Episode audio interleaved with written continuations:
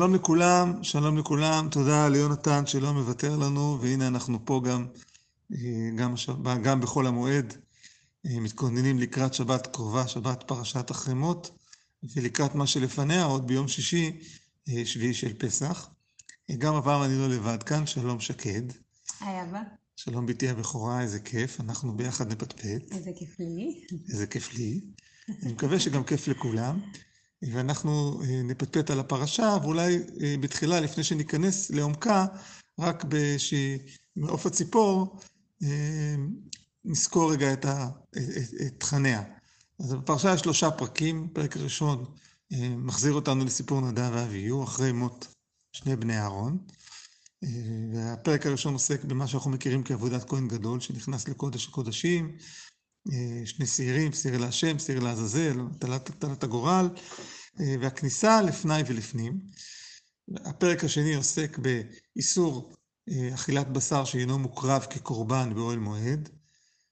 כל, הקורבן, כל הבשר שרוצים לאכול, הוא צריך לאכל, לאכל לאחר שהוא מוקרב כקורבן שלמים, למעט חיות שלא מבויתות, שהן מוקרבות, שהן, אפשר להקריב אותן כי הן לא, לא מוקרבות כקורבן, כמו יחמור, או בהם יש את חובת כיסוי אדם. והחלק השלישי של הפרשה זה איסורי עריות, אין איסורי עריות אה, בתוך הטאבו המשפחתי, ואין עוד איסורי קריבה מינית שהתורה אוסרת אותם, וכל זה היא מקשרת ללא להיטמע בטומאות שמאפיינות את יושבי הארץ מסביב. אה, זאת, אלו הם בעצם שלושת הנושאים של פרקי פרשת אחרי מות. שקד, אז מה, יש משהו שככה בפרשה שאת רוצה שנפתח פה? אה, קודם כל זה מאוד מעניין, כאילו אם הייתי בוחרת מילה אחת לשלושת הפרקים, אה, אני חושבת שהייתי חושבת על איזון. זה איזונים מאוד מאוד עדינים. כן תפס אותי בהתחלה, פסוק ז' בפרק י"ז, ולא יזבחו את זבחיהם לשעירים אשר הם זונים אחריהם. מי אלה בעצם השעירים האלה? מה, מה הסמל הזה בא לבטא? כן, זה, ה... זאת שאלה מעולה, והיא עוד יותר מתחזקת אה, מזה שהמילה שעירים כבר הוזכרה קודם לכן, בפרק הקודם. זאת אומרת, את מתארת את השעירים שמוזכרים בפרק י"ז, שאחת, שהתורה אומרת שהסיבה שבה אדם לא יקריב קורבן מחוץ לפתח לאוהל מועד, זה כדי שלא יזבחו זבחים לשעירים. Mm-hmm. מי אלו השעירים האלה? אולי זה היה קורבנות פסח, אולי זה יהיה לנו איזה הסבר למה היה צריך להקריב שא. אבל מה זה השעירים האלה? כאילו, מה זה החיים? גם למה לא קוראים להם שא? מה זה המילה שעיר? מזכירה קצת אולי אפילו את עשיו, שעיר, נכון, יעקב. שעירות היא ביטוי לויטליות הרבה פעמים, לחיים, לחייתיות כזאת. תמיד הכהנים היו בלי שערות במקדש, היו מגולחים. וואלה. כן. כמו הנביא? כן. אני לא יודעת את זה. הנזיר נגיד, חלק ממה שמאפיין את הנזיר המקראי, זה שזה מעין פרודיה על הנזיר האמיתי. כי דווקא הנזיר מגדל שיער ארוך, חי טוב. כשהוא כן. את הנזירות הוא מתגלח, הוא מתגלח גם את הגוף. כן, נכון. כן. אז הוא כאילו נהיה כהן, אז הוא נהיה קדוש. מתאר מהנזירות. מכפר על הנזירות. אז המילה שעירים היא מעניינת כי היא מופיעה גם קודם לכן בעבודת כהן גדול. זאת אומרת, חלק מרכזי בסיפור של כניסה לקודש הקודשים, אולי חלק מהותי, זה שכשהתורה מסבירה למה בכלל להיכנס לקודש הקודשים, או למה שאדם, למה שכהן ירצה להיכנס. אז הסבר אחד יכול להיות, אה, אתה יודע, לראות, להיפגש, להגיד מה זה, אם יש לו יום הולדת, הוא רוצה להגיד, אבל זה לא הסיבה. התורה כותבת שהסיבה להיכנס אל קודש הקודשים היא לכיפר על הקודש מתומות בני ישראל, פסוק ט"ז. בפרק הקודם. כן? אז בעצם גם כאן, כשאנחנו מדברים על טומאות, אנחנו מתקשרים שוב לשעירים. נכון, כי אתה לוקח את הטומאות מתוך קודש הקודשים, כן? מתוודה עליהם, ונתן אותם, תראי את פסוק כ"א, התוודה את כל עוונות בני ישראל, ונתן אותם, את מי? את כל העוונות ואת הפשעים והחטאים, ושילח ביד אישי איש איתי המדברה, ונשא השעיר עליו את כל עוונותיו אל ארץ גזירה, ושילח את השעיר במדבר. אז הנה אנחנו פוגשים בפרשה הזאת פעמיים את השעירים. פעם אחת בעבודה של הכהן הגדול לפני ולפנים, אה, של אהרון בהתחלה, של הכהן הגדול, ש... שהוא בעצם נכנס פנימה כדי לנקות את קודש הקודשים מטומאה שמצטברת בו. כי בכל יש איזו עכרירות כזאת שקורית בפנים. זה פלא גדול איך יש טומאה בתוך המקום הכי קדוש בעולם. זאת אומרת, איך העוונות של ישראל מצטברים בתוך קודש הקודשים, ואיך העבודה עם השעיר וההוצאה לעזאזל, היא משחררת את קודש הקודשים מהמקום של הטומאה, ולכאורה זה מתכתב ישירות עם באמת מה שאת ציינת, עם הצד השני של המטבע, שאל תקריבו בחוץ את הקורבנות שלכם, כי אז אתם ודאי תקריבו אותם לשעירים, לאיזה שעירים, אם אני אקח את זה סימבולית, לאותו שעיר שמסתובב בחוץ, העזאזל, המקומות האלה. מעניין, עולים לי פה שני כיוונים. גם אה, אם אני מסתכלת על פסוקים כ"ב וכ"ג, הם נורא... באיזה פרק? בפרק ט"ז? בפרק ט"ז. הם נורא מקבילים, זאת אומרת, אה, ונשא השעיר עליו את כל עוונותם אל ארץ גזירה, אה, הוא בא אהרון אל אוהל מועד, הוא פשט את בגדי הבד. ושילח את השעיר במדבר, ופשט בגדי הבד וניחם שם. Mm-hmm. זאת אומרת, יש לנו את השעיר שהוא נושא את העוונות ומשלח אותם לחופשי במדבר, שהוא פושט את העוונות, ויש את הארון שפושט את בגדי הקודש, שפושט את, ה... את המקום המאוזן והמדוקדק יותר, שזה ככה תפס אותי. אה, ואני חושבת גם קצת על, על שעירים, על, ה... על הסמליות אה, של שעיר אה, במיתולוגיות, בתרבויות אחרות. כן, כן. אני, אני, אני חושב שיש פה קשר, ובאמת שעירים בעולם המיתולוגי הם, הם דבר שהוא מוכר לנו בתור משהו שקשור לפראיות, כן. לדינוניסיות. בעצם השעירים, הפאונים במיתולוגיה הרומית, הם מייצגים בדרך כלל דווקא איזשהו שריד למיתולוגיות עוד אירופיות עתיקות יותר, למקומות פראיים יותר. כן, הדוגמה הכי טובה זה, זה אל הפן, הפן, שזה בעצם אה, לאלה שמטיילים בחול המועד בבניאס, אז בניאס זה, זה, זה, זה קלקול של המילה פניאס, שזה בעצם אל הפן, זה היה מקדש לאל הפן, שזה מקדש שהיה צורה, היה לו צורה של עז. אני חושב שהם לקחו צורה שהיא כאילו אנושית קצת, יש איזה זקנקן כזה, ומשום מה דווקא העזי, השעירים, נתפסו כתור סמל הפראיות. סמל הדין. זה יותר קצת מפראיות, זה איזושהי פראיות שיש בה נהנתנות מסוימת. כן. זאת אומרת, כן. הדיוניסיות הן לא רק חגיגות של פרא, הן גם חגיגות uh, של נהנתנות. נכון. ואז יש לנו כאן בעצם, אם אנחנו הולכים עם זה, אנחנו יכולים לראות שיש כאן בפרשה איזשהו ניסיון לייצר איזה, הזכרת מקודם את המילה איזונים שהיא מאוד מצא חן בעיניי. Mm-hmm. זאת אומרת, אה, חטא נדב ואביהו היה קו פרשת מים של ספר ויקרא. עד אז חשבנו שהקדושה היא פנים משכנית. ואז נדב ואביהו רצו לגונן על השכינה. כבוד השם רצה להתגלות אל העם. מה זאת אומרת? חשבנו שהקדושה היא פנים משכנית? קורבנות, כהנים הם קדושים, יש קורבנות שהם קשורים לקודש, כל עבודת, אנחנו כבר עסוקים במשכן מאמצע ספר שמות. Mm-hmm. יש כלי קודש, ויש כלים מזהב, וכלים מיוחדים, צריך להיות מאוד לדייק במידות. וכלים מכלים שונים. כן, ומזמן כבר שכחנו את מזבח אדמה תעשה לי של, של פרשת משפטים. זאת אומרת, אנחנו עמוק עמוק בתוך מבנה מאוד ספציפי של ביתו של אלוקים, שיש לו גם שולחן, ויש לו מנורה, ויש לו ארון. זאת אומרת, כל הדימויים הם שיש בית, בית לגילוי השכינה. עכשיו, ברגע שיש בית לגילוי השכינה, ויש כהנים שעובדים שם, אז במפגש עם נדב ואביהו פגשנו את הרצון שלהם לגונן על העם. יוצאת אש שמתגלה לעם, את אותה אש הם מנסים להסתיר בקטורת. הם רוצים לגונן על השכינה. בעצם בעזרת מסך של עשן. כן, עכשיו, הבא, עכשיו, זה נטייה טבעית לאדם שמתעסק במקום הגבוה אה, לגונן עליו. ומשם פתאום מושגי קדושה וטומאה התפרצו להם למרחב הכללי, הציבורי, הלאומי, אה, של זמנים, של מועדים, הכל. זאת אומרת, עברנו לפרשת שמיני, עברנו במעבר חד מאוד מנדב ואביהו, מעין הערת שוליים ארוכה, שהייתה החצי השני של פרשת שמיני, שעסקה בטומאות, בהמה טמאה, בהמה לא טמאה. כאילו המילים כשר ולא כשר היו פתאום טמא או לא טמא. עברנו לפרשת תזריע, ליולדת, לדיני מצורע, לזב, זבה, שזה הפרשות מהמערכת המינית, או צרעת, שכולם נכללים בתוך מושגי קדושה וטומאה. יש פה בעצם אמירה מאוד מאוד חזקה של התורה, שכשנדב ואביהו לכאורה מנסים, אה, אני לא בטוחה איך לקרוא לזה, אה, להקטין את הקודש, בעצם לכסות את אלוהים ולשמור עליו, יש בתנועה הזאת גם איזושהי תנועה של הקטנה, של לשמור, לשמור משהו רחוק משאר האנשים. נכון. לשמור ואז, אותו שמור ומוגן. ואז מגלים, מהמם. אז רגע, אז התורה בעצם אומרת להם, זה לא רק שלכם, זה של כולם. של כולם. וטהרה זה קשור לכל אדם, לכל אישה. עכשיו, זה יחריף עוד בהמשך גם, נגיד הפרשה הבאה, פרשת קדושים, תשתמש במילה קודש, כשהיא תבוא לתאר דברים שהם חלקם חברתיים לחלוטין, כמו פרט כרמך לא תלקט, לעני ולגר תעזוב אותם, לא תגנבו, לא תכחשו, לא תשקרו, לא תעשוק, לא תקלל, לא תעשה עוול, לא תלך רכיל, לא תיקום ולא תיטור, וכל זה נכלל במילה קדוש. או פרשת אמור, מקראי קודש, לראשונה במקרא נשמע שיש זמן שהוא לא רק זמן של חג, אלא הוא זמן שהוא עצמו קודש, מקראי קודש. גם השבת היא מקרא קודש, זאת אומרת, המילה קדושה פתאום עוברת איזו התרחבות מאוד גדולה.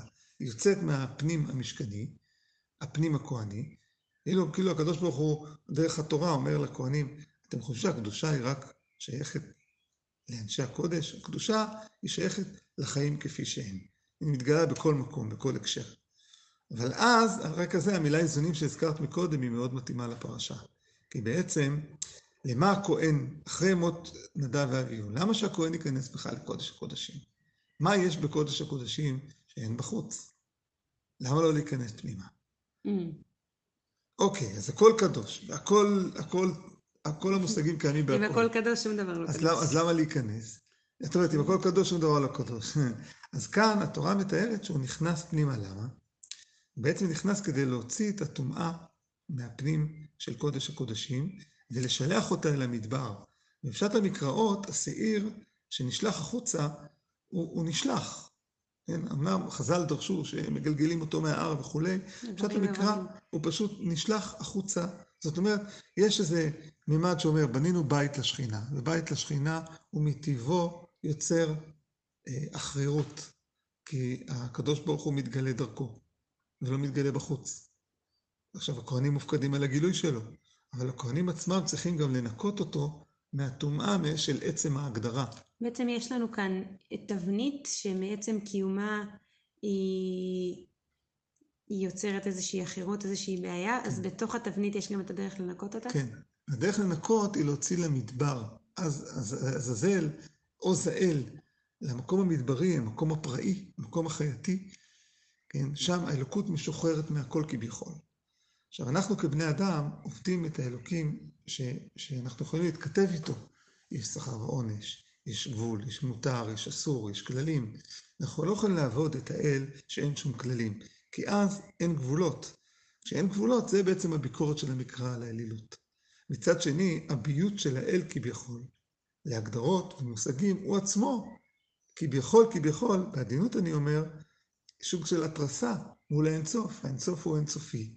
ואנחנו מגדירים מולו את צורת העבודה, ואנחנו מקבלים מה נכון ומה לא נכון, ובעצם בזה אנחנו בעצם גם מגבילים. אז את ההגבלה הזאת אנחנו כביכול מנקים את העבירות ומוציאים אותם לעולם של הפראיות. שם הכל אפשרי, שם הכל יכול להתקבל. בעולם של המשכן יש גבולות, בעולם של הפראיות הכל אפשרי. אז הוצאת החט... החטאים עם השעיר לעזאזל היא מכפרת, כי היא בעצם מזכירה לנו שלצד האלוקים המבוית כביכול לחיים האנושיים, יש את האינסוף, שהוא מעבר לכל הגדרה. והכפרה היא היכולת שלי להוציא את כל החטא לעולם של האינסוף, שבו הכל יכול להתקבל. עכשיו, כתמונת מראה לזה, כן? אם אני אתחיל לעבוד רק את האל של החוץ, רק את האל של הפראיות של המדבר, כן? אז אני בעצם מגיע לתרבות האלילית, מהמם. לתרבות הדינוניסטית הזאת שהזכרנו, ולכן אסור להקריב קורבנות שלו במשכן, כי אז אתה תקריב לשעירים, כי אז אתה תחפש את האל שמטבעו הוא חסר גבולות, ולכן גם אני אהיה, גם אני אהיה חסר גבולות כשאני אעבוד מולו. לכן הפרשה, דרך המילה שעירים, מנסה לאזן שתי תמונות, אני רואה שאת רוצה להגיד משהו. אני מרגישה שיש כאן ממש את התמונת מראה של השעיר עוד בתוך הפסוקים, הרי יש לנו שני שעירים.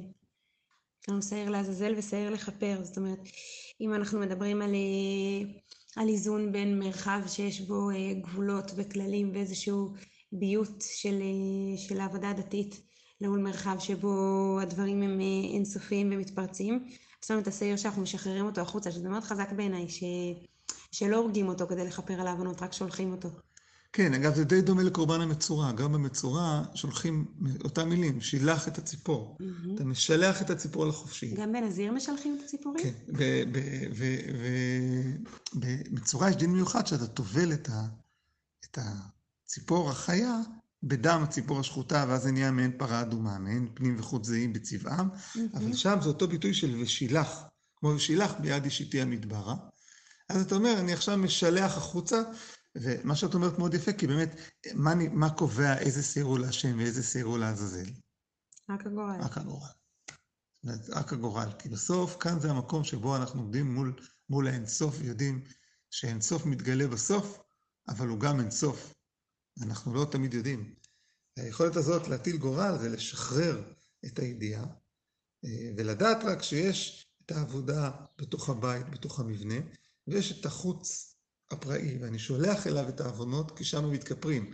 אבל החצי השני של הפרשה ינסה לשמור, לשמור גם על הבית, כי הפראיות היא מושכת. חושבת גם שהמעשה הזה של הטלת גורל, הוא גם מכניס למרחב הביתי הממוסד מימד של פראיות, וגם למימד הפראי הוא מכניס מימד של חוקים ושל היגיון. כן, כי? כי, כי זה מה שיצא בגורל. אז מה זה משנה החופש שלי עכשיו? כן. זה מה שיצא בגורל. נכון. ומצד שני, יש חוקים ויש זה, וזה מה שיצא באקראיות מוחלטת. עכשיו, אם נמשיך את זה, אז שני החלקים של הפרשה הם ממש תמונת מראה. כי, כי מה זה גילוי עריות? זה לשמור על הבית, לשמור על הביתיות. מיניות זה יצרי, זה עוצמתי, זה חזק. ברגע שאני נכנס את זה לתוך הבית, לכאורה זה יהיה בלי גבולות, זה יהיה עוצמתי. איפה זה אבל כתוב אז- אה, כי חסד הוא? מה זה? זה, זה קרבת אח לאחותו. אה, אה, זה, זה מובא בפרשת קדושים, בפרשה הבאה, בפרק כ', בפסוק אה, י"ז, חסד הוא. אה, זה, זה נושא, זאת אומרת, יש כאן באמת אה, שני פרקים שדי קרובים אחד לשני. אחד בפרשה שלנו, אה, שעוסק בגילוי עריות, הטומאה שבעריות, ובפרק כ' בפרשת קדושים, שיש פרק באמצע שיקטע לנו, של, פר, של פתיחת פרשת קדושים, שוב נחזור לאותן עריות, בעיקר מהזווית של הענישה, ופשר הכפילות בהם באמת מצריך מענה, למה פעמיים התורה מרחיבה בדיני עריות משתי זוויות שונות, אבל בואו נשאיר את זה לשבת הבאה, נשאיר לשבת הבאה. כי באמת בשנים רגילות קוראים את אחרי מות קדושים ביחד, אבל בגלל אוקיי. ששנה מעוברת, אז זה לחוד, אז אנחנו יכולים להתמקד בפרשת אחרי מות עדיין. אז אני אגיד רק במילה אחת למה התכוונתי, שהמקום הזה של כי חסד הוא, זה בעיניי איזשהו מקום של שבירת גבולות מוחלטת. כן. זאת אומרת, זה תיאור של מרחב שבו, אה, שבעצם יש בו המון המון אהבה, אז אין בו גבולות. נכון. עכשיו, זה ממש נכון, ואז זה מסביר לנו, מול הבית של המשכן, שבו צריך לעשות את הקורבנות ולא בשעירים בחוץ, יש גם הבנה שעם השעיר אני מוציא את העבירות מבפנים החוצה, כי בחוץ הן מתכפרות, כי בחוץ זה אינסוף. עכשיו, מול הבית הפנים-משפחתי שלנו, שאנחנו שומרים עליו, והתורה מציגה תמונה של משפחה, אחים, אחיות, דודים, דודות, והיא אומרת, בתוך המעגל המשפחתי לא נכנסת המיניות, לא כי היא לא עוצמתית, כי אם היא תיכנס לא תישאר ביתיות, נאבד את הביתיות. והחיים דורשים גבולות גם.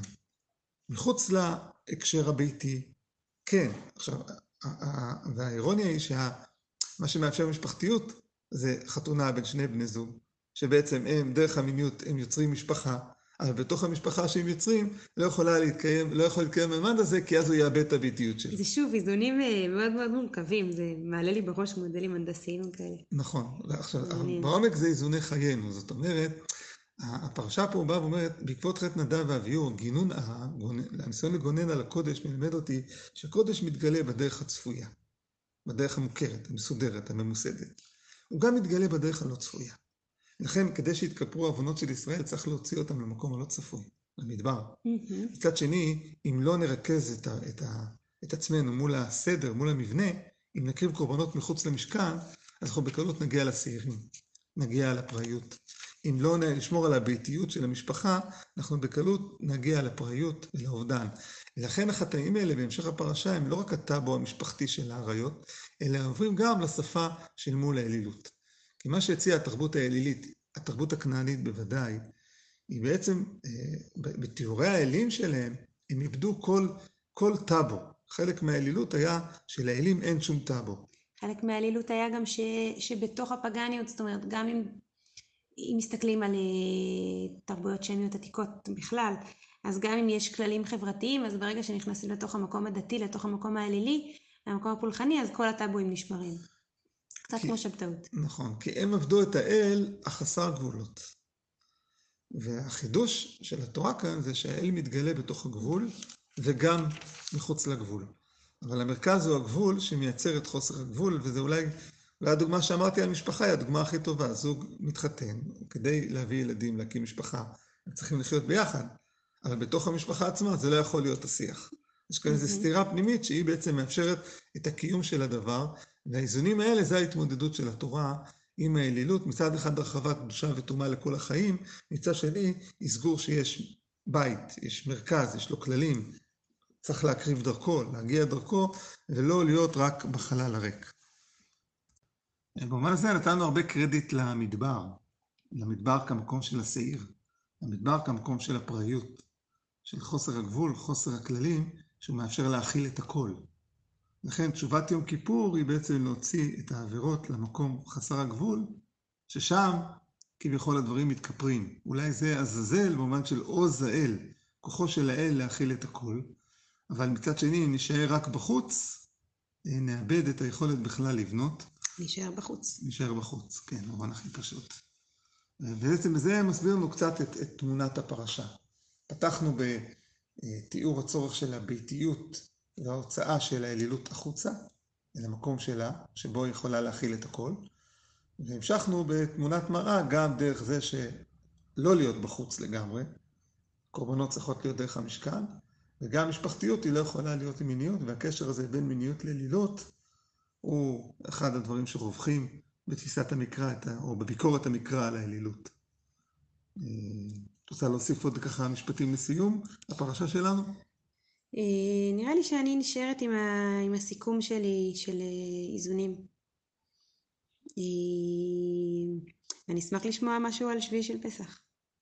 כן, נכון, כמעט שכחנו שיש לנו גם את שביעי של פסח, אז מכיוון, אז אני, אני אגיד בקצרה ששביעי של פסח, החג שלפנינו, הוא בעצם מסכם את יציאת מצרים. זאת אומרת, כאן הייתה איזושהי צומת שהם גם יוכלו לחזור אחורה. כן, התורה מתארת שחמושים יצאו בני ישראל ממצרים. כן, עברנו לספר שמות. הם יוצאים אמנם עם נשק, הם יכולים, אבל למרות שהם יוצאים חמושים, ואז אתה מדמיין אנשים עם כוח, בעצם אה, נחם אלוקים דרך ארץ פלישתים כי קרוב הוא, כי אמר אלוקים פן ינחם העם בראותם ממלחמה, ושבו מצרימה. למה הם לא הולכים דרך, דרך החוף? כי דרך החוף היא דרך מצרית עדיין, באותה תקופה. כן, הדרך העתיקה, מלאה מבצרים מצריים. אפשר גם לדבר על זה שרוב כנען היא מצרית באותה תקופה. רוב כנען היא מצרית, זה נכון, אה, אבל כשכנען הייתה מצרית, כנען נתפסה יותר כתור אזור של אה, מעברים, של דרכים. לכן על ההר, מה שקורה על ההר לא עניין את המצרים. מה שעניין את המצרים זה דרכי החוף, עמק יזרעאל.